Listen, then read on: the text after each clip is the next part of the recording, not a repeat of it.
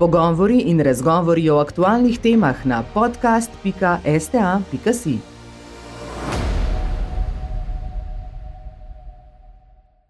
Dobrodošli pri podkastu Slovenske tiskovne agencije v okviru projekta NEA.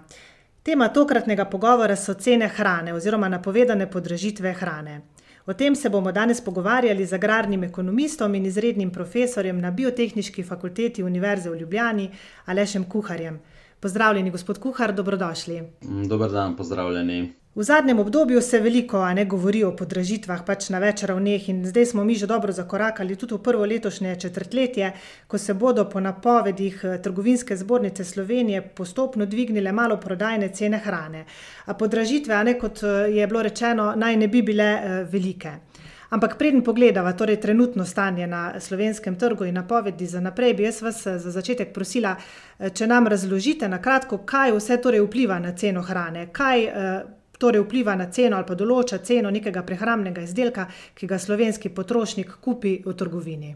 Lepo pozdravljeni, veseli me, da ste to temo izbrali. Je seveda relativno dotika se vsakega posameznika, je pa relativno zapletena in pogosto narobe razumljena. Tako enostavna stvar, kot je cena nekega živila na policiji, si pogosto dejansko Eh, vsega, kar se dogaja v zadju, ne predstavljamo pravilno. Skratka, eh, ko, ko, ko potrošniki, poslušalci, medijev, kakorkoli eh, slišijo izraz cena, se vedno treba vprašati, na kateri ravni, pravi, kje je bila ta cena izmerjena.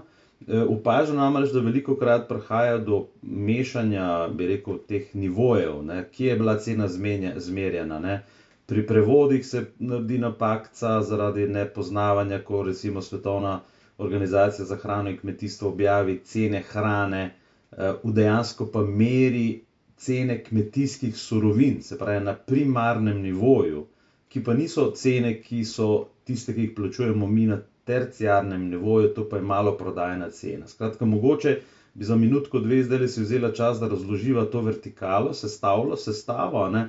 Pravi, ko potrošniki, to, kar plačujemo mi, potrošniki, je malo prodajna cena. Je cena živilskega izdelka ali pa kmetijskega pridelka, ki je primeren za prodajo na malo prodajni ravni, v trgovini, na tržnici, na kmečkem turizmu, v, v, v, na prodajalni, na kmetiji, kakorkoli. Pravi, to je končna cena, ki jo plačamo mi, potrošniki, za živilski izdelek ali pa za kmetijsko surovino, in to je terciarna cena. Eh, potem imamo, če gremo po verigi nazaj, se pravi na vzgor po, uh, po, po, po verigi, je seveda naslednja cena, ki jo sicer potrošnik zelo redko kdaj sliši, je pa pomembna, to pa je cena, uh, sekundarna cena oziroma proizvajalčeva cena. To so cene, ki jih trgovske verige plačajo njihovim dobaviteljem, živilskim podjetjem, pridelovalcem sadja in tako naprej. Skratka, to so nabavne cene za trgovino. To so sekundarne cene, proizvajalčeve cene. Potem na začetku verige so pa primarne cene, cene kmetijskih pridelkov, surovin, to so pa surovo mleko, eh, klavna živina, eh, pšenica, koruza, krompir in tako naprej. Skratka, tukaj se ta tako imenovana agroživilska veriga začne in to je ta primarna cena. Eh, ko pogledamo svetovne, ko, ko gledamo svetovne informacije na svetovnem nivoju, Eh, informacije, ki govorijo o spremembah cen, govorijo vedno in izključno o primarnih cenah. Ko vidimo, da svetovna organizacija, Združeni narodi, katerakoli, OECD, kdorkoli, ki govorijo o cenah, govori o primarnih cenah, cenah kmetijskih surovin. Uh, mogoče še to, uh, uh, se pravi, kak, ne, kako so sestavljene malo prodajne cene. To je tudi zelo pomembno, ker potem si lahko mi projiciramo, In to dejansko mi v raziskovalci počnemo. Ne? Če se primarna surovina, recimo vem, prašiči, goveje mleko, žita, koruza in tako naprej, če se to pri, na primarni ravni pri kmetu podraži, ne, to še ni živilski izdelek, ki ga sodobni potrošnik kupuje, ampak mora ta kmetijska surovina iti čez zelo kompleksne, veliko krat tudi zelo drage eh, procese, da se ta kmetijska surovina pretvori v živilski izdelek. To pa je tisto, kar mi v trgovinski, na trgovinski policiji zberemo in ustavimo v, v, v, v košarico in potem eh, na naše krožnike oziroma v naša usta. Praviloma v razvitih državah, v povprečju za živilo, živilski izdelek na polici, je delež ali pa vsebina, ne, ta proporc rečemo, primarnih stroškov, stroškov kmetijskih surovin v končnem izdelku, je tam manj kot ene tretjine. Se pravi, ko mi kupimo, vem, surov, alpsko mleko ali pa izdelek, kakorkoli že, klobaso, ne, razlike so sicer zelo velike, vendar moramo vedeti, da je delež stroškov kmetijskih surovin v končnem izdelku okrog tretjine, lahko celo manj, redko kdaj je ta delež več. Ravno zato, ker ta kmetijska surovina, primarni, primarna surovina, mora iti še čez kar zapletene in drage postopke, v katerih se seveda uporablja energija, ta danes zelo močno draži vse oskrbne verige, uporabljajo se druge surovine, embalaža, delovna sila, transport, karkoli že, kar je potrebno vključiti v končno živilsko, živilski izdelek, seveda tukaj ne smemo pozabiti tudi marže trgovine in nenazadnje davek na dodano vrednost. Vse to se sešteva, vsi stroški, ki nastanejo v tej proizvodno-distribucijski verigi živila, prispevajo v končno ceno, ki jo pa plačujemo seveda mi kupci na, na polici. Zdaj, če vidimo, da se primarna surovina, svetovne cene hrane so šle za štiriindvajset odstotkov gor, to ne pomeni, da so se po celem svetu podražile štruce, salame, testenine, tortice, jogurti, meso in tako naprej za štiriindvajset odstotkov, ampak se je podražila primarna surovina, ki jo različni inštituciji, različne inštitucije vključujejo v košarico primarnih surovin, oni temu rečejo food, ne, recimo FAO meri ceno za petdeset artiklov, za petdeset kategorij, pomarančni džus, se pravi pomarančni koncentrat, koruza, soja, skratka ti agregati, produktni agregati, kjer je to možno relativno natančno in konsistentno meriti, in potem temu reče Global food price index. Tako da to je relativno oddaljena informacija in precej neuporabna, če sem zelo iskren, za ocenjevanje na laični ravni, je pa zelo popularna, nimam nič proti temu, da se o tem govori, vendar je zelo fajn, da ne, bi rekel, pospešujemo panike ali pa, na drugi strani včasih pospešujemo, vem, lahkomiselnosti, a ne. Moramo to primerno in ustrezno, interpretirati te svetovne indekse. Pri tej končni ceni, videli, slišali smo, ne, da je, ta, določanje te cene pravzaprav dolgo verigo ima, dolgi rep, a ne, ampak če se zdaj osredotočiva torej na to končno ceno in stanje pri nas. zdaj statistični podatki, uradni statistični podatki za lani kažejo, da se je hrana pri nas podražila za štiri odstotke in k inflaciji, ki je bila lani štiriceladivetodstotna, prispevala nič cela šest odstotne točke. Uradna statistika torej ne kaže nekega drastičnega zvišanja cen hrane, ampak na drugi strani pa potrošniki ocenjujejo, navajajo glede na izračune v svojih, družinskih proračunih, da za hrano namenijo vse več, denarja. Zakaj je tu takšen razkorak med to, statistiko in torej tem, stanjem, ki ga čutijo potrošniki? Super vprašanje, tukaj gre namreč za, primerno in strokovno razumevanje tega, kaj so meritve inštitucij, kot je Statistični urad. Pogosto slišimo, da so te meritve napačne, kot zelo intenziven uporabnik teh podatkov pač tega ne morem, nikakor potrditi ali pa se s tem strinjati, je pa treba seveda ravno tako tudi te podatke razumeti. Se pravi, pri hrani, a ne, hrana kot na trgu, ne, je izrazito, izrazito nekaj tisoč, deset tisoče artiklov, deset tisoče cen, če hočete, je možno, pripisati in reči: "To je pa cena hrane, cena živil." In zdaj, statistični urad ima rigorozne in mora imeti rigorozne in relativno rigidne pristope k temu, kako meri inflacijo, kako meri spremembo maloprodajnih cen. In v tem ima vključenih okrog petdeset artiklov, tistih deset tisoče, ki so jih prej omenjala, petdeset kategorij, kategorij prehranskih je mogoče pa tisoč ali pa manj, ne, to ne bom ugibal.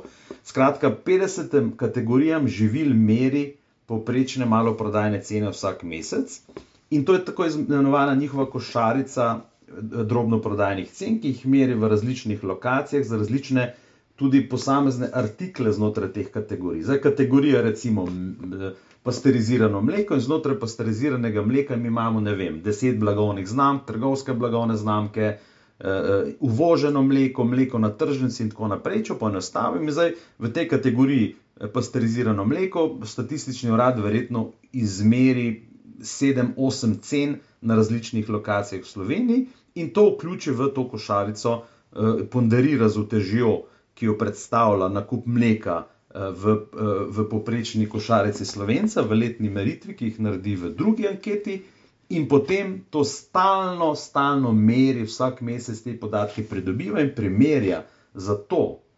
Ta nabor devetih, desetih cen za kategorijo trajno mleko ali eh, pasterizirano mleko, stalno meri uh, cene in jih pridobiva. Zdaj, možno pa seveda je, da posamezni potrošnik nima in tako je večinoma, ne, mi nimamo tako sestavljene lastne nabavne košarice, kot jo ima sestavljen statistični urad, ko meri to zapleteno kategorijo živilskih izdelkov. In seveda mi imamo drugačno sestavo in se lahko naše cene spreminjajo drugače kot tiste, ki jih meri statistični urad, vendar nikakor ne.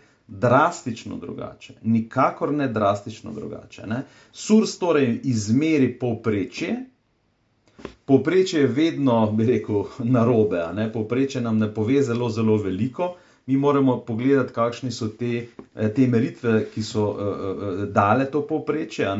Zato je seveda ta občutek potrošnikov, da se njihova košarica drži hitreje, počasneje in kakorkoli, je seveda posledica te, te njihove osebne strukture košaric. In seveda je to tudi občutek, ljudje zelo hitro odreagiramo. Uh, in si veliko krat tudi, bi rekel, emocionalno te cene pove, rekel, predstavljamo, da so te cene više. Ne? Ampak tukaj jaz nočem sporočati tega, da se hrana ne drži. Hočem sporočati, da je seveda meritev, ki ga statistični urad prikazuje, je povprečenje, je ponderiranje glede na strukturo košarce in je umerjeno na ta način. In je, eh, eh, se pravi, vse te cenovne spremembe so, ko gledamo agregat hrana, potopljene v en zelo, zelo velik, eh, velik, veliko skupino in se tam stvari, ki jih mi zaznamo, ki so se dejansko pa bolj podražile ne, in nas to zelo močno ta občutek podražitve prevzema. Ne, dejansko se pa potem, če celotno košarico hrane povprečemo, pa vidimo, da dejansko podražitve v povprečju so takšne, kot jih je namerila statistika. Ne. In to so povprečne stopnje, skratka. Eh, moramo to razumeti in jemati to kot strokovni podatek in ga na ta način tudi interpretirati. Uh mhm. -huh. Je pa torej tudi v tej uh, pritiski, so pa tudi ne, v verigi prej, kot smo že prej omenili. Se pravi, če imamo tukaj zdaj na eni strani. Trgovinsko zbornico, ki pravi, da pač podražitev eh, ne bo eh, visokih oziroma ne bo drastična, je pa predtem ne živilsko predelovalna industrija, ki pa že nekaj časa eh, pritiska oziroma da ne rečem grozija ne, s podražitvami. Se pravi, kaj se tukaj dogaja v tej verigi? Kje je trenutno, recimo, v, kateri člen v, v tej verigi je trenutno, po vašem vedenju, izračunih najbolj na udaru in ali bo zdržal? Se pravi, imamo sistemske pritiske, ki povečujejo stroške vsem členom v verigi. Se pravi, energenti, če pogledamo, zdaj prej so govorili o poprečni rasti cen življenjskih potrebščin decembr, decembr 2021 eh, za hrano 4 odstotke, so se pa goriva in energija podražili skoraj za petino, za 20 odstotkov. Ne? Torej, vsi členi v verigi, v skladu z njihovo stroškovno strukturo in deležem, ki ga imajo goriva in energija v stroških v vsakem od posameznih členov, trgovina, življensko podjetje, kmetija. Ne? Vsem so se energenti podražili za skoraj 20 odstotkov, v odvisnosti, kako bo to vplivalo na celotne njihove stroške, pa to seveda pomembno je delež, ki ga predstavlja energija in gorivo v njihovih stroškovnih strukturah. Tako da ta dejavnik višanja stroškov goriva in energije je univerzalen za vse in tiste, tisti členi, kmetija, živilska podjetja ali pa trgovina, kjer je energija pomemben strošek, velik strošek, in tukaj nedvomno je živilsko predelovalna industrija, pekarne, mesno predelovalna industrija, mlečna industrija, gre za sterilizacijo, gre za gna, eh, pogon vseh strojev, eh, transport ne na zadnje, ne, hrana se zelo daleč prevaža tudi. Tukaj so torej te univerzalni sistemski pritiski, stroškovne pritiski na vse člene. Potem pa Eh, se je začelo z višanjem stroškov v primarnem sektorju, kmetijski stroški, stroški v kmetijstvu so se povišali, vstopni stroški za rejo živali, za pridelavo rastlinskih eh, produktov zaradi draži, eh, dražjih goriv in gnojil, pa krmnih rastlin, ki jih večinoma v celotnem svetu važe iz nekaj specializiranih držav, Brazilija, Indija, Amerika. Eh, krma za živali, soja, koruza, ječmen. Tukaj smo imeli konec lanskega leta, pa že prej, zelo močne pritiske na ceno, se pravi, temu rečemo krmnih žit, ki so začele dražiti stroške, povečevati stroške rejcev živali, mleka in tako naprej. Ne?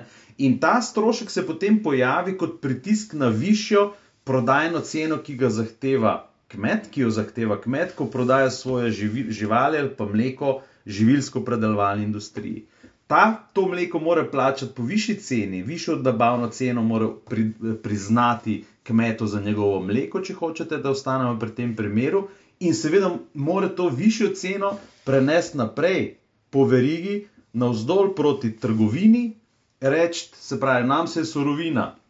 Ki predstavlja, ne, se pravi, mleko se je podražilo za 15 odstotkov, surovo, ne, surovo mleko v proizvodnji jogurta ali pa eh, mleka predstavlja ima ponder, recimo tam 40-50 odstotkov moje lastne cene mleka, zapakiranega za na trg. In to pomeni, da se je moj strošek, ki ga ponudim tebi, trgovina, povišal recimo za 6-7 odstotkov. In potem se trgovina odloči, ker je delež izdelka, nabavne vrednosti blaga, ki ga trgovina da na polico v Sloveniji med 60, 50, 60 odstotkov preostalo pa predstavlja trgovska marža in DDV, bo seveda 10 odstotna, če sva zelo, zelo okrogla, ne, poprečna, se bo 10 odstotna podražitev nabavne cene v trgovini odraz, odrazila v 5 odstotni podražitvi maloprodajne cene. Ne. Če rečem, da je približno polovica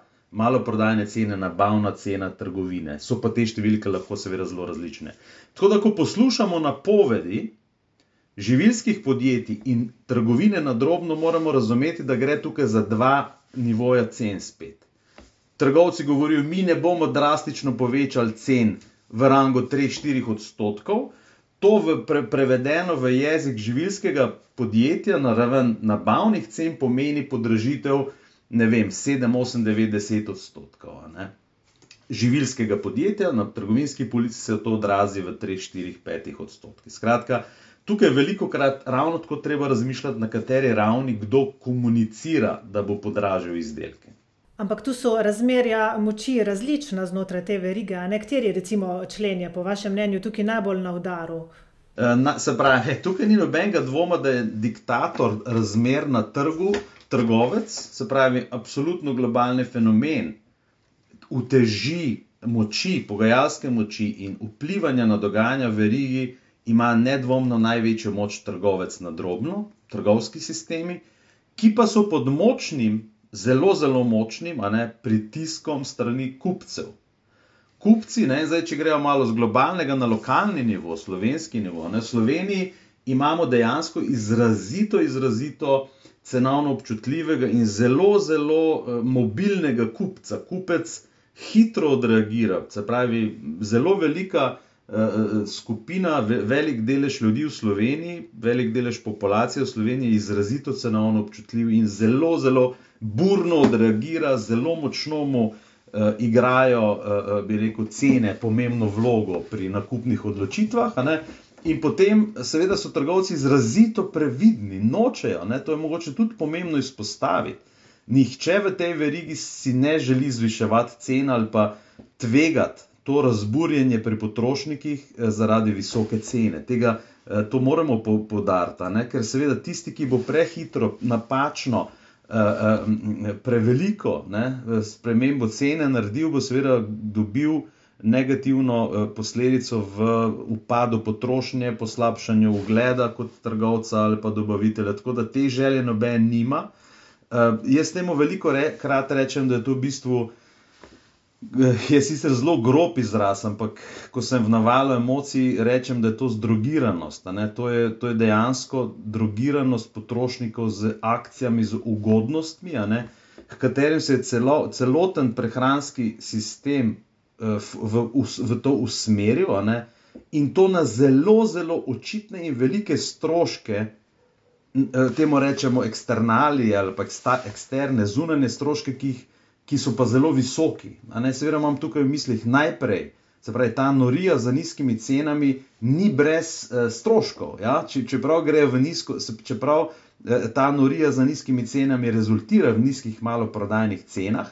Vendar to niso vsi stroški, ki ob tem nastanejo, ko mi to slabo, slabšo hrano, ceneno hrano kupujemo, imamo zdaj natančne meritve, ki jih, naredil, eh, ki jih ki so naredili Združeni narodi, se pravi, okrog tretjina, to je za Ameriko ocena, ne, podobno je globalno povprečje, okrog tretjina stroškov, ki nastanejo ob proizvodni hrane, je vključenih v maloprodajno ceno.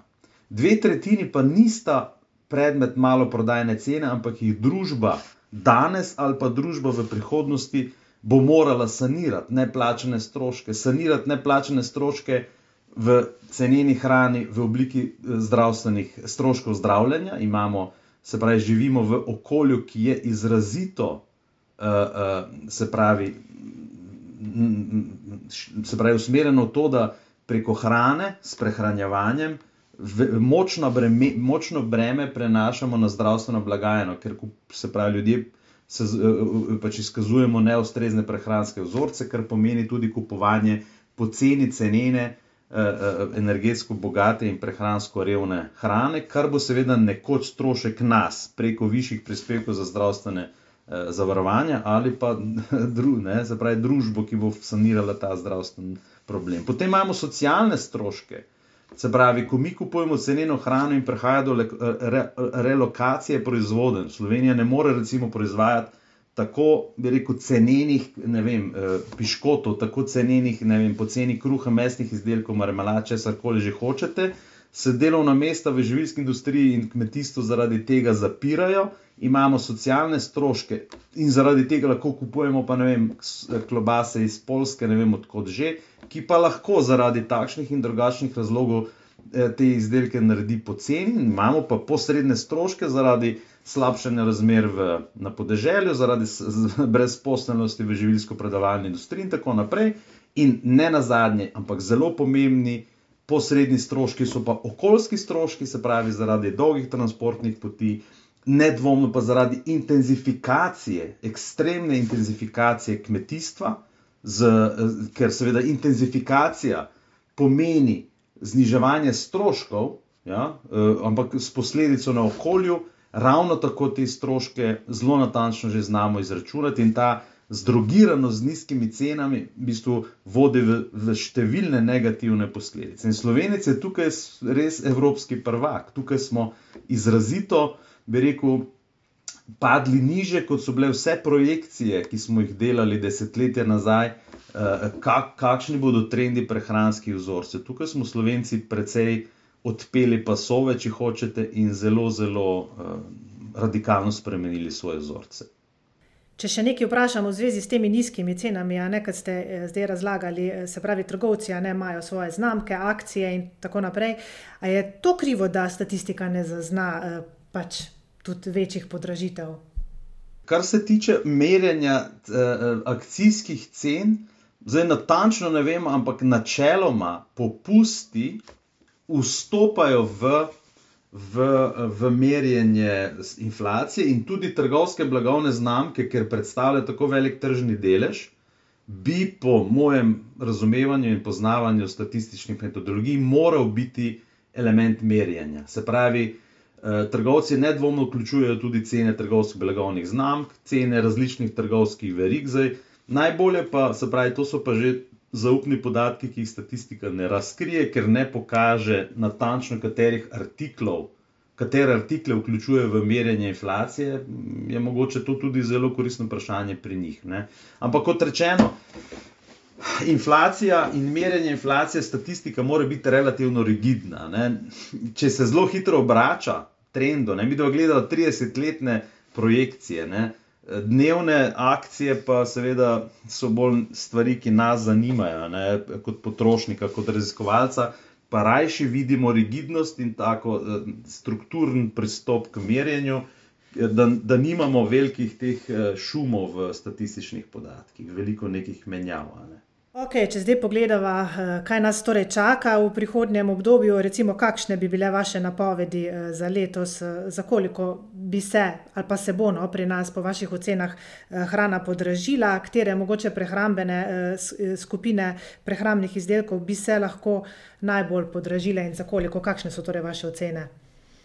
Ja, uh, zdaj, ne, gibanja cen so seveda odvisna od tistega, kar so prej govorili, od stroškovnih pritiskov, ki so, kot rečeno, večinoma eksterne narave. Ne. Mi te stroškovne pritiske uvažamo preko energentov, preko krmnih, uh, krmne, krmnih surovin za krmila. Um, en pomemben moment, ki ga tukaj ne smemo pozabiti, ki vpliva pa seveda na proizvodne stroške v živilski industriji, so pa plače. Ne. Zdaj, To je pa zelo specifičen notranji moment. Eh, nedvomno so plače vedno eh, stvar, pri katerih želimo zviševanja, ne, pomembno prispevajo seveda k, k, k standardu prebivalstva, vendar je seveda potrebno potem ta zvišanja minimalnih plač, seveda tudi vnesti malo prodajne cene in se te odrazijo na policah. Tako da odločitev glede regulacije malo eh, minimalnih plač v industriji seveda ne smeva izpustiti in jo omeniti.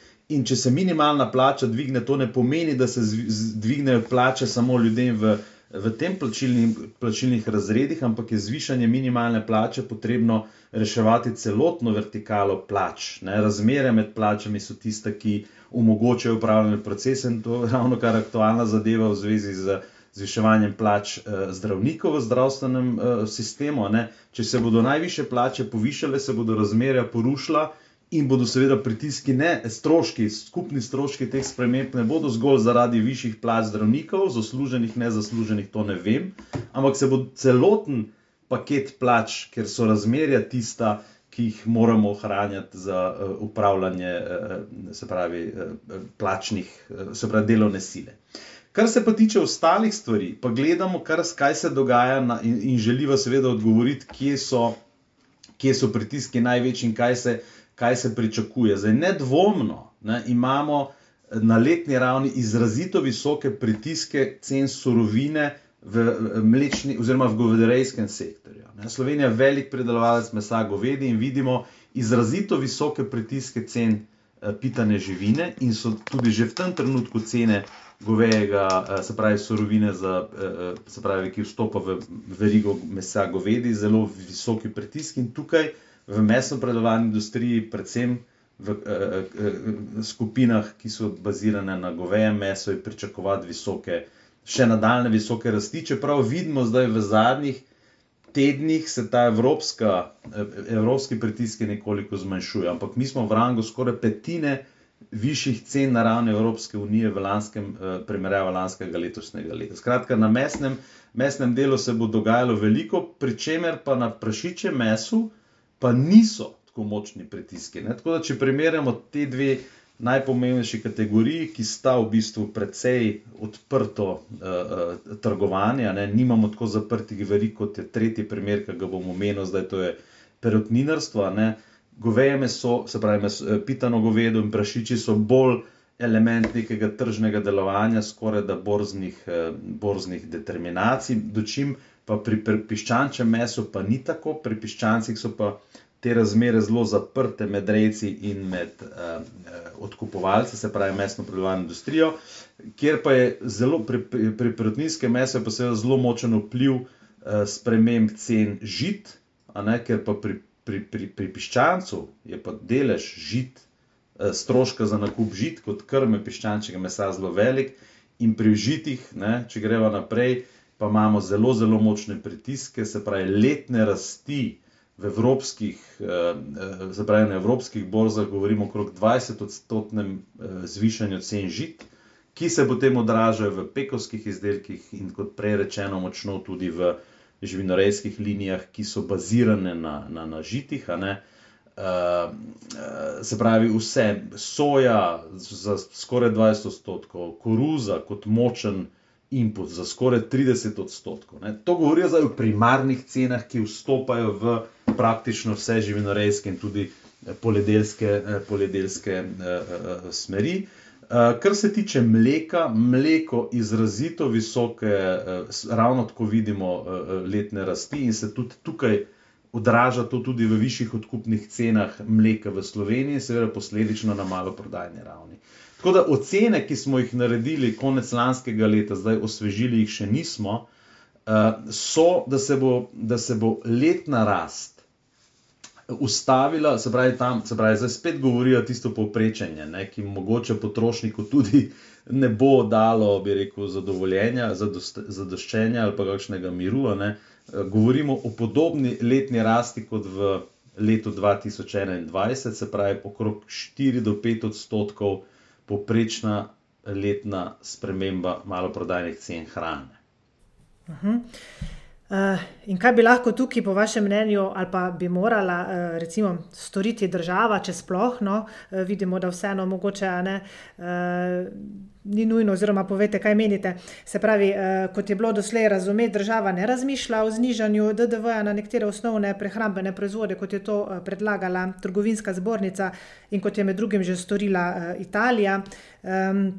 Je pa recimo Mačarska ravno včeraj napovedala trimesečno zamrznitev eh, cen za nekatere osnovne prehrambene proizvode, kot so sladkor, moka, sončnično olje, svinske noge, piščančja prsa, določene eh, vrste mleka, da bi to pač eh, zamrznili na cene, ki so bile 15. oktober. Kaj bi torej pri vas lahko ali pa morala narediti država pri nas? Ja, zdaj teh informacij, to moram povedati, glede italijanskih, jaz nisem nikjer, na, se pravi, ta intervencija v Italiji mi ni poznana, sem pa večkrat slišal v Sloveniji, da je bila intervencija, ampak jaz sem pogledal, sicer ne bom trdil, da zelo, zelo, zelo natančno, ampak bi zagotovo, kje druge, kot sem opr v slovenskih medijih zaznal, da je Italija spremenila DDV, ga je že zelo dolgo nazaj.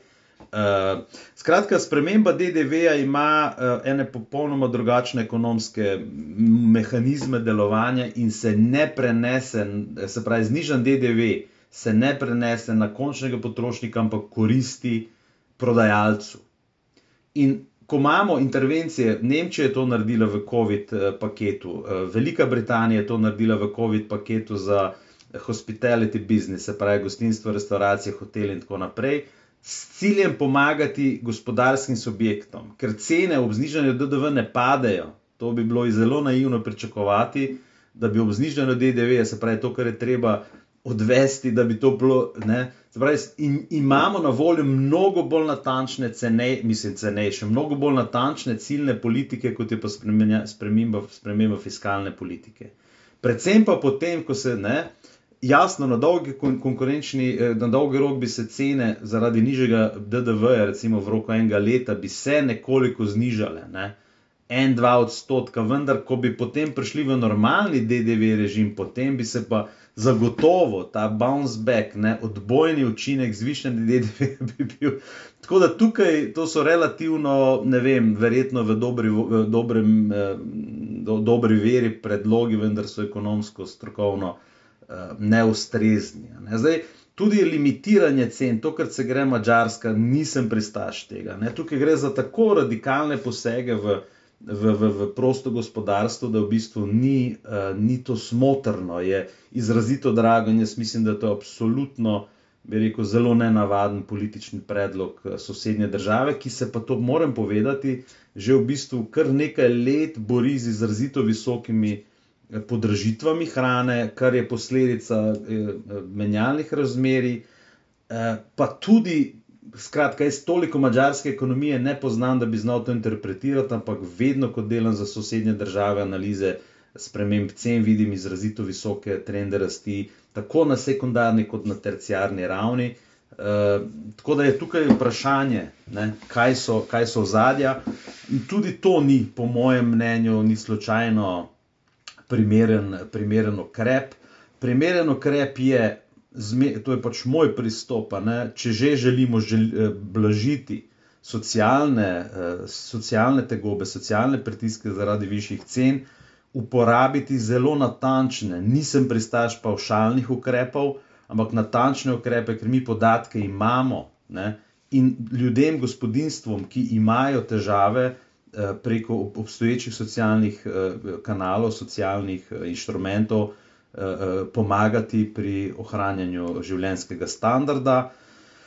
Tudi tega nisem pristaš, ker zdaj država, vlada pripravlja povprečno na hektar prispevek za kmete. To se mi zdi popolnoma zgrešen ukrep. Ne vem, če ste slišali, to je predlog vlade za transfer v nekaj desetinah, stotinah milijonov. To se mi zdi popolnoma neustrezen in zelo zastarev in neustrezen ekonomski ukrep politike. Se pravi, eh, korigiranje se pravi, eh, gospodarskega položaja gospodinstva z nekimi povprečenji je popolnoma, to je sto let star pristop, ki ga v sodobnih ekonomijah, kot je Slovenija, ne bi smelo biti. Gre za zelo drage in brez jasnih uh, ciljev in pričakovanih eh, učinkov izvajanja politik. To je zelo nenavaden ukrep. Tako da uh, sem pristaš tega, da se uporabljajo Eh, politike informiranja ljudi, se pravi, da spodbujamo še naprej konkurenco, vendar ne to destruktivno konkurenco ne, eh, in preprečevanje panike med ljudmi, ker ta panika, in to tudi morajo povedati za zaključek, verjetno veliko razpravljanja in ne, ne utemeljenega na dejstvih, ocenah, ne dejansko daje zagon inflaciji. Inflacijska pričakovanja se ob veliko razpravljanju o cenah povečujejo, in potem začnejo subjekti, gospodarski subjekti na vseh ravneh, seveda, svoja, te svoje cenovne napovedi eh, graditi na anticipaciji, na pričakovanjih, ne, ne pa na realnih stroškovnih pritiskih. Zato je seveda tukaj absolutno na mestu več kvalificirane razprave, več kvalificiranih prikazov podatkov, da bi potem seveda ekonomija, tržna ekonomija, seveda bazira na demokratičnosti eh, postavljanja cen in demokratičnosti izbiranja na strani potrošnikov, ne, eh, je seveda potem zagotovljena ta informiranost in to je najboljše zagotovilo na dolgi rok. Ne. Vse subvencije, vse Eh, davčne omejitve, vse cenovne uh, fiksacije na dolgi rok izpadejo negativne, ker imamo potem bounce back, se pravi, ko se ne, razne, če se odločimo, se hecam, seveda, da zacementiramo cene za nadaljnih deset let, ne, ali pa ne vem, zavedno. Ne. Če pa mi naredimo omejitve ceni, potem po sprostitvi se, pre, se seveda pride nazaj do, do tega povratnega učinka, kjer subjekti potem obračunajo tisto, kar niso morali, če so bili seveda ti stroški realni. Ne? Tako da tukaj je transparentnost cenovnih struktur na mestu, pogledamo, kje se dejansko pojavljajo višji, straš, višji stroški in reguliramo, da ne pride do presežnih podražitev. Ne? To je pa seveda politika varovanja konkurence, ki v Sloveniji relativno zaspana in teh pojavov ne, ne, ne, zmore, ne zmore slediti, ali pa niti mogoče noče. Ne. Imamo neke varohe, imamo, ki bi se tukaj mogli zelo močno informativno delovati in preprečevati presežne podražitve. V redu, uh, jaz si želim in verjamem, da bo tudi uh, ta pogovor prispeval k boljši informiranosti javnosti in obveščenosti in k preprečevanju panike. Tako da bomo videli, kaj bodo prinesli prihodnji meseci. Jaz se vam zahvaljujem za pogovor, s tem zaključujemo tokratni podcast. Hvala, da ste nam prisluhnili. Vam, gospod Kuhar, pa kot rečeno, hvala za sodelovanje. Lep pozdrav. Pogovori in razgovori o aktualnih temah na podcast.sta.si.